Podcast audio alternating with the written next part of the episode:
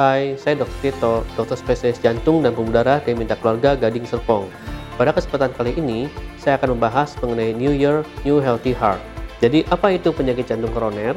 Penyakit jantung koroner adalah penyakit yang disebabkan oleh berkurangnya pasokan darah dan oksigen ke otot jantung. Penyakit ini paling banyak disebabkan oleh penyempitan oleh karena adanya plak aterosklerosis. Apabila plak ini robek, maka akan terbentuk bekuan darah di dalam pembuluh darah koroner. Dan bekuan darah ini akan menyebabkan sumbatan total atau hampir total. Nah, apabila ini terjadi, dinamakan serangan jantung. Faktor apa saja yang dapat menyebabkan seseorang terkena penyakit jantung koroner?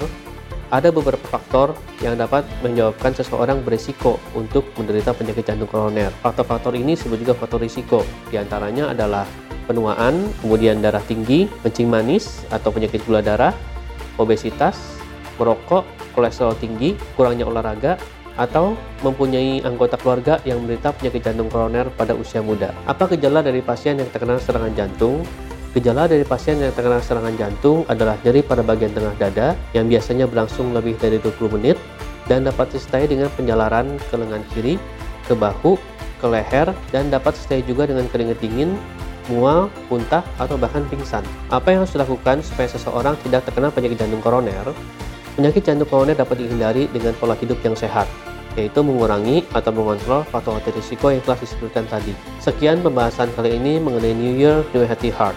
Apabila Anda membutuhkan informasi lebih lanjut, silakan hubungi mitra keluarga. Pada kesempatan kali ini saya akan membahas Mitra Keluarga Life, Love, Laughter